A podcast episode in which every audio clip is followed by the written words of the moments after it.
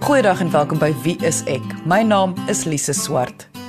Daar is hierdie vreemde tendens dat mense voel hulle kan enigiets, goed of sleg, vir enige iemand sê op sosiale media. Ons sien dit nie net in ons eie land nie, ons sien dit wêreldwyd. Ons sien dit van wêreldleiers. Hulle kan sê vir ander mense net wat hulle wil. En dit is 'n baie vreemde tendens wat mense nou maar aanneem kom nou maar saam met sosiale media en die internet. Maar hoe is dit dat ons in die regte lewe aangesig tot aangesig nie sommer so iets sal doen nie, maar dit word aanvaar op die internet. So vandag gaan ons aan die hand van luisteraarsbriewe kyk na die effek wat hierdie eerlikheid en wat meeste mense vryheid van spraak noem op ander mense het. My twee gaste is kliniese sielkundiges Anton Bemer en Louis Averbag. So kom ons luister na die eerste brief van die dag wat Anton vir ons gaan antwoord. Ek is 'n weduwee van 'n klein dorpie in die Vrystaat. My daaglikse bestaan draai om boeke lees, TV kyk en om die nuus van die wêreld te volg op die internet. Ek lig graag my opinie oor sekere onderwerpe op sosiale media want dit laat my voel ek het ook 'n sê in die doen en late van mense. So 6 maande gelede het ek op 'n publieke groep my opinie gelig oor 'n ma se uitlating aangaande straf oor haar seentjie se gedrag. Die mense het verskriklik gereageer op my woorde. Onder meer dat my kinders van my weggevat moet word, dat ek nie 'n goeie ma is nie en dat vir my kinders se part hulle hoop ek doodgaan. Ek weet hierdie mense ken my nie, maar die pyn, angs en slapelose nagte wat hulle woorde veroorsaak het, is besig om my onder te kry. Ek kan hulle nie vergewe nie. Ek weet nie hoe om hierdie te verwerk nie. Dit was net my opinie as enkel ouer. Ek het definitief nie verwag hulle moet dit volg nie. Ek lees nou glad nie meer die nuus nie en ek sal definitief nooit weer my opinie lig oor enige onderwerp nie. Dit is duidelik dat ek liewers nie deel van die wêreld en die samelewing moet wees nie. Anton, ek gaan begin met haar reaksie. Vir baie jonger mense sal haar reaksie op hierdie kommentaar te oordrewe wees. Hulle sal voel beweeg net aan um, en moet jou nie dan steur nie. Maar mense besef nie aldag hoe seer hulle woorde iemand kan maak nie. Natuurlik nie en ek sal dit so 'n bietjie anders stel dat dit nie noodwendig net gaan dat jong mense skotvry afkom van van sulke kommentaar nie. Ek dink as jy blootgestel word op 'n publieke forum aan mense wat geweldig negatief reageer op 'n opinie wat jy lewer, kan enige persoon baie seer kry. En natuurlik sal iemand soos die dame aansluit by 'n sekere groep want daar's sekere dinge wat hulle in gemeen het, maar ongelukkig ken sy niemand op hierdie groep persoonlik nie. En daar is natuurlik dan mense wat heeltemal anders te dink, 'n ander opinies oor haar het en ongelukkig op enige groep sal mens ook mense vind wat 'n plek soek om hulle emosionele frustrasies en ook soms hulle woede uit te laat. En dan druk jy net op 'n knoppie en ewe skielik pop hierdie woede uit. Hierdie uitbarsting wat jy nie weet waar dit vandaan kom nie. En in die proses kan iemand soos hy ook geboelie word. Dat haar woorde soveel mense hierdie geweldige negatiewe dinge teen haar as persoon skryf en haar as ma skryf. Dit gaan jou mos nie alleen intimideer nie, maar dit gaan ook maak dat jy seer kry, angstig is en dan natuurlik wil wegtrek en onttrek, soos wat sy beskryf sy gedoen het. Dit raak al hoe meer duidelik deur die jare dat mense al hoe makliker hulle opinies lig en vreeslike goed sê vir vreemdelinge. Wat is jou opinie? Waar kom hierdie oormatige haat en woede vandaan? As mens sou teruggaan in tyd, Ek ek bedoel hoe lank het ons nou die internet? Ek ek dink net so 'n bietjie meer as 20 jaar, 25 jaar terug het ons nie eers selfone gehad nie. En nou ewe skielik het hierdie nuwe wêreld, hierdie hele nuwe heelal op ons neergedaal wat ons kan koneksies vind met mense oor die wêreld heen. En in die proses het ons nou 'n nuwe platform waar ons kan gesels, waar ons dink ons leer mense baie goed ken, wat baie anders is as in die verlede. Want waar sou iemand in die verlede gegaan het om hulle opinies te lig? Hierdie is nou egter 'n plek waar mense anoniem kan wees. So jy kan jouself net daarso sit as liewe heksie van Limpopo. En liewe heksie kan nou maar enige iets sê wat sy wil sê en mense kan nou reageer daarop of nie. Maar as jy nou vir liewe heksie aanvat op iets wat vir haar 'n baie persoonlike saak is, kan sy nou 'n klomp goed hierso uitlaat. 'n Klomp woede wat dalk niks met jou te doen het nie, wat dalk heeltemal 'n ander oorsprong het. En dit word nou op hierdie platform nie alleen gelig as 'n opinie nie, maar teen jou as persoon. As jy byvoorbeeld nou vat hierdie dame dalk nou iets geskryf oor die grootmaak van kinders. Maar kom ons sê liewe Heksie het nou 'n probleem gehad met haar kind in 'n skool en daar was 'n sterk standpunt van die skool se kant af teen haar gelig en ons arme dame skryf nou opinie wat in lyn is met die skool se opinie. Dan is dit nou liewe heksie wat kwaad is nie alleen vir die dame op die internet nie, maar ook vir die skool, maar al daardie emosie kom uit op die sosiale media platform. Sou jy sê jy het in die woord boelie vroeër gebruik dat die dat mense misbruik die feit dat hulle anoniem is en die feit dat hulle agter vryheid van spraak kan staan dat hulle ek wil amper sê direk en indirek ander mense kan boelie. Ek stem 100% daarmee saam. Want ek glo weer eens dat daar iemand iewers te dalk sit, hulle het baie min kontak met die buitewêreld, maar hulle eie probleme Dit kan enigiets wees van depressie, dit kan angs wees of dit kan meer ernstige probleme wees, maar dit nie uitlaatklep daaroor nie. En nou kom daar 'n onskuldige party en op 'n platform sê hulle iets en nou is daar 'n kanaal wat hulle al hulle frustrasie op kan uithaal. As jy anoniem is, weet niemand weet waar jy bly nie, niemand weet wie jy is nie, niemand weet waarom jy 'n sekere opinie lig nie en dit gee net vir jou daardie wegkruipplek wat jy nou vir iemand kan aanval. Die ou gesegde is van weet mense wat in glashuise bly moenie stene gooi nie want want jy het jou eie swakpunte. Maar ongelukkig op sosiale media kan mense klippe gooi al het hulle hulle eie probleme en dit kom oor as bullying. Daar's geen ander woord om dit te beskryf en jy word 'n boelie as jy so persoonlik mense aanvat wat jy nie eers ken nie. En dit het slegte impak vir daardie persoon en natuurlik ook soos met hierdie dame dalk selfs op hulle lewenstyl die lewenskeuses wat hulle na maak na so 'n insident. Daar is wel 'n gesegde, as jy jouself uitgee as 'n toffie, gaan jy gekou word. Nou, die skrywer, is dit iets wat sy nou maar net sal moet aanvaar? Sy het tog die keuse gemaak om haar opinie te lig.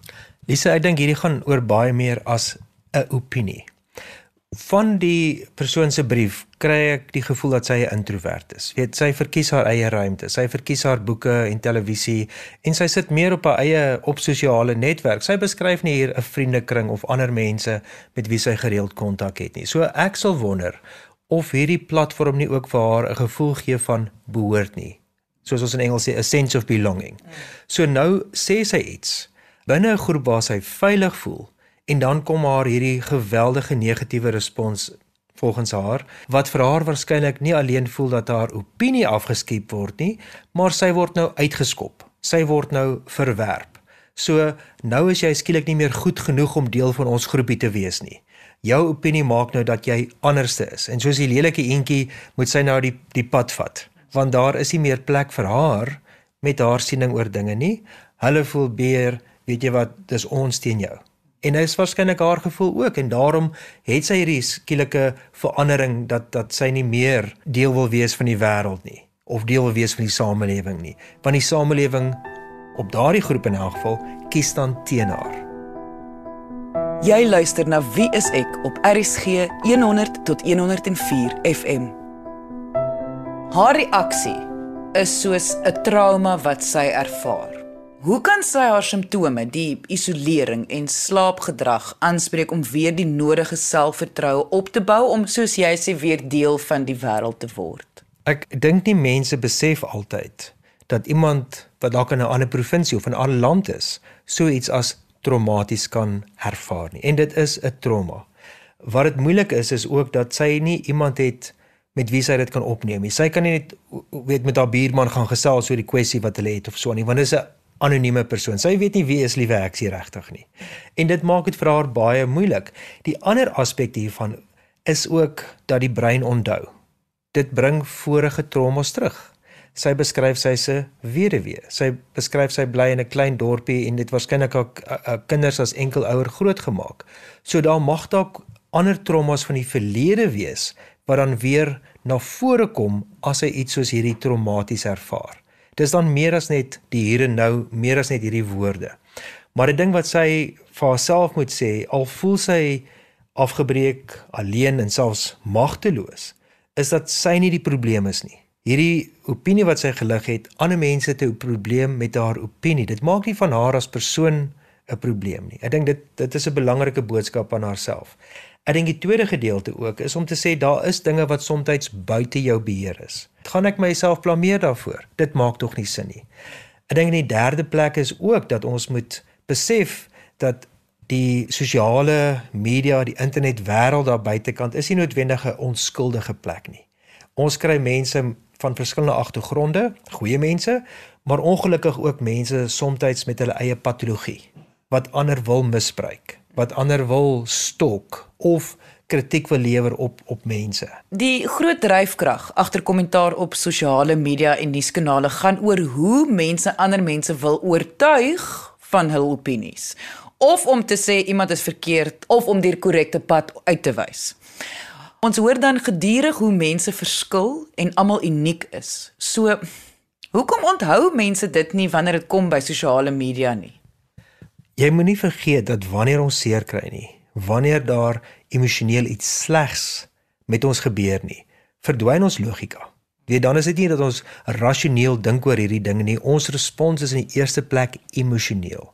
En soos ons nou reeds gesê het, dan kom baie van hierdie historiese seerkry weer na vore. Dan onthou sy dalk daardie woorde wat haar ehm um, gewese man gesê het dat sy nie goed genoeg of mooi genoeg is nie of weet dinge wat in haar kinderjare gebeur het dat haar maatjies haar gespot het oor 'n oor 'n sekere eienskap van haar of dat hulle vir haar gesê het weet jy jy is nie deel van ons nie. So alhoewel ons dan nou logies kan sê maar weet mense het hulle eie opinies, moenie jou steur daaraan nie is dit dan weer eens dat die emosies sterker na vore kom.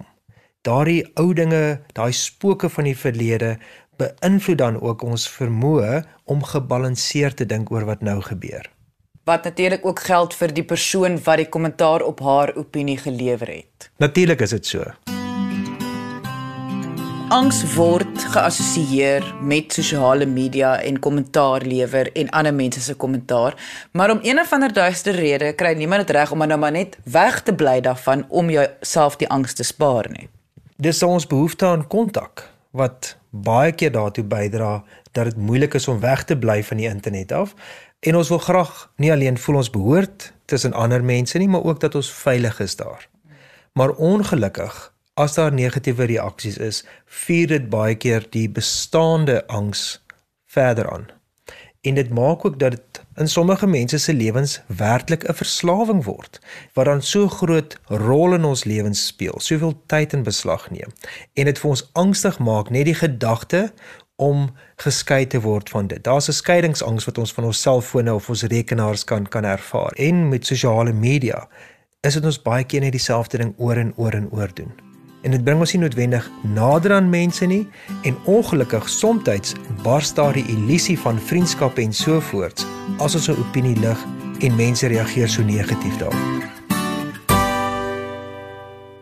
So my twee gaste vandag, Anton Bemer en Louis Averbag, beide kliniese sielkundiges, antwoord in die hand van luisteraarsbriewe vir ons van hierdie vrae.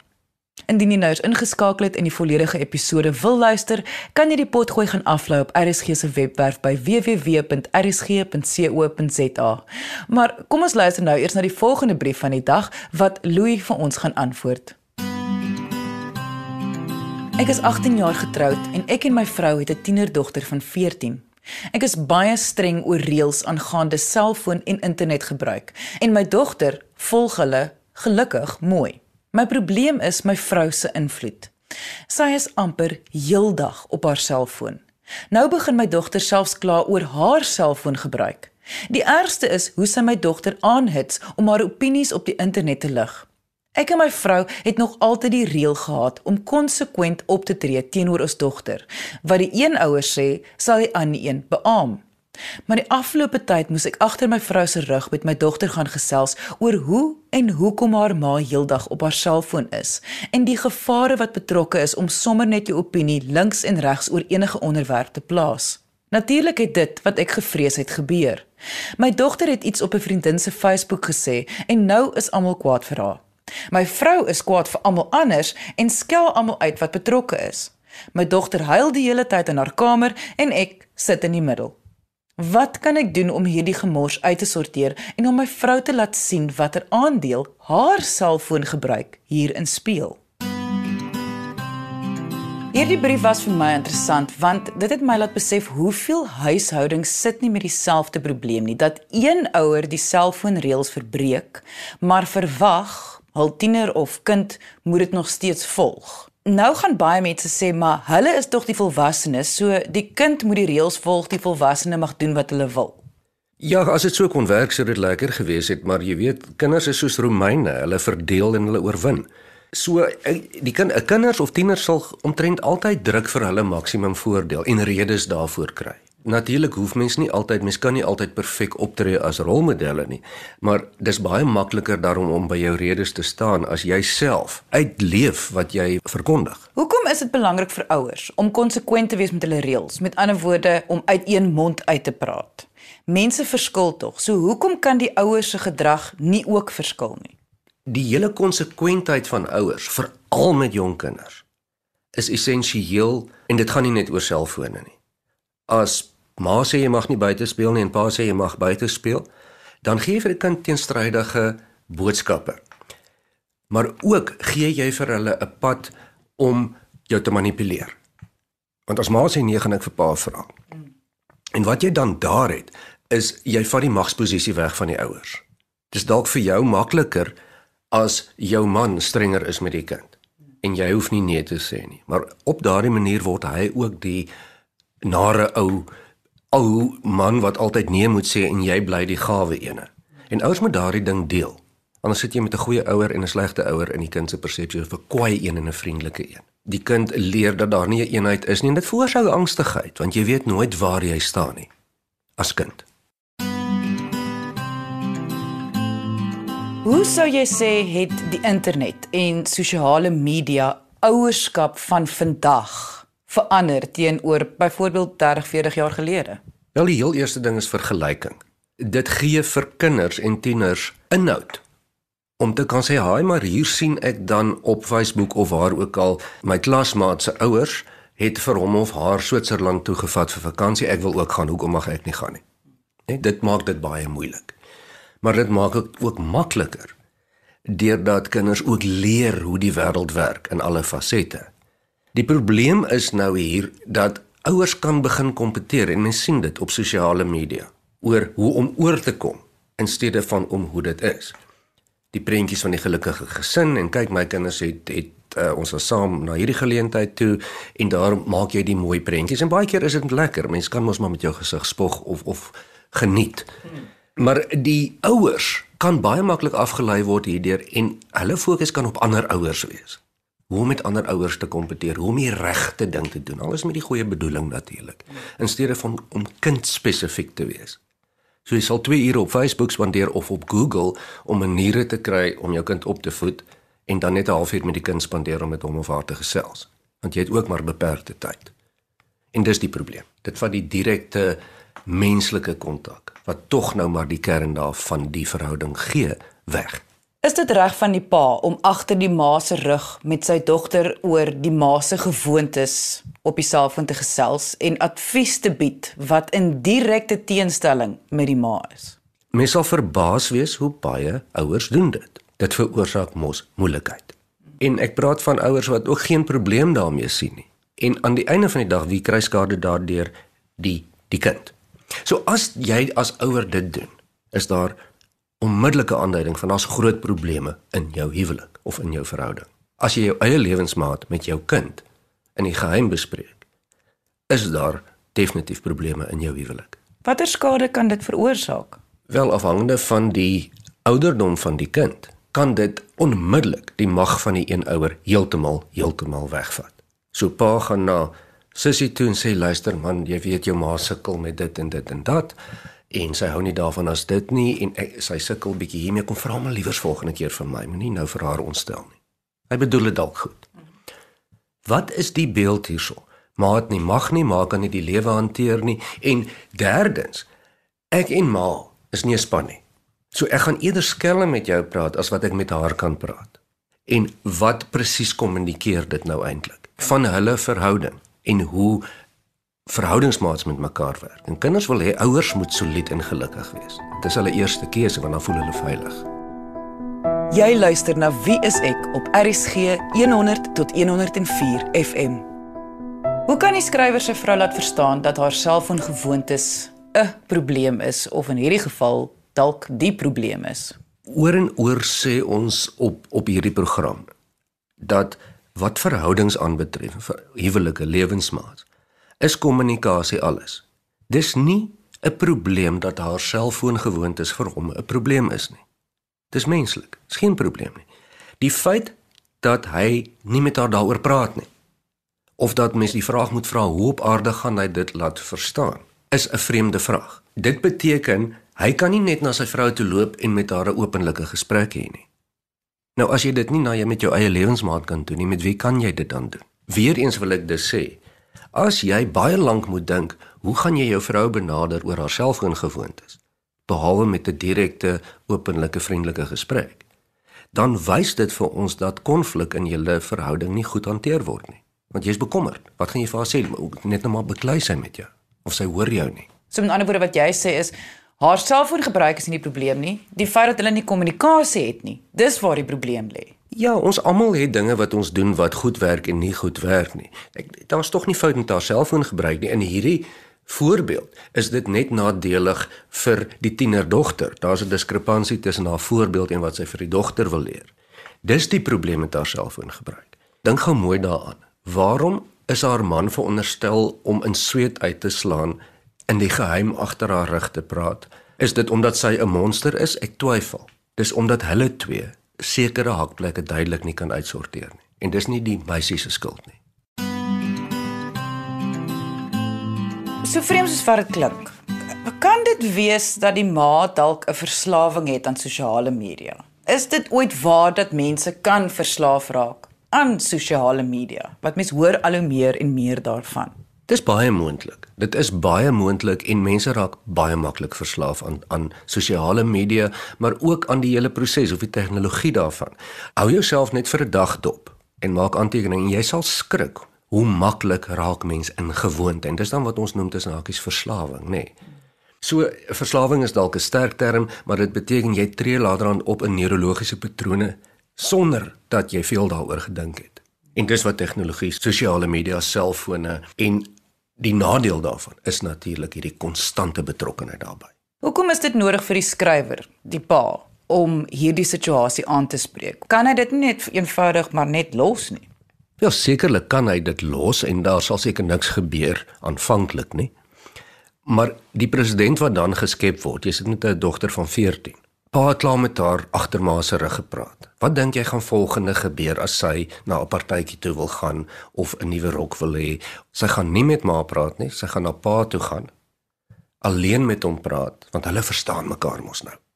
So dis dalk 'n kleiner rugge dingetjie, maar as hy nie met sy vrou hierdie ding gaan uitsorteer nie, hoe gaan hulle maak met hulle albei se selfoon voorbeeld of gedrag vir hulle dogter en hulle kry 'n ooreenkoms daarmee nie? As hy dit nie doen nie, maak hy die deur oop vir verskeie paaie wat sy kan vat. Dit is nie noodwendig negatiewe paaie nie, maar dis 'n gesplete pad tussen pa en ma waar sy dan moet navigeer in. En dis 'n onseker pad. Is nie goed vir haar nie. Indien jy enige vrae het oor vandag se onderwerp of net jou storie met ons wil deel, kan jy ons kontak via ons webwerf by www.wieisek.co.za of jy kan kom saamgesels op ons Facebookblad onder wieiseksa. Dankie dat jy vandag ingeskakel het. Ons maak weer so volgende Vrydag, maar nie ons gewone tyd gleef van 11:30 nie. Vir volgende Vrydag gaan ons 10:30 hier op RSG wees. So teken dit aan in jou dagboek. Jy moet 'n heerlike naweek hê en onthou, kyk mooi na jouself.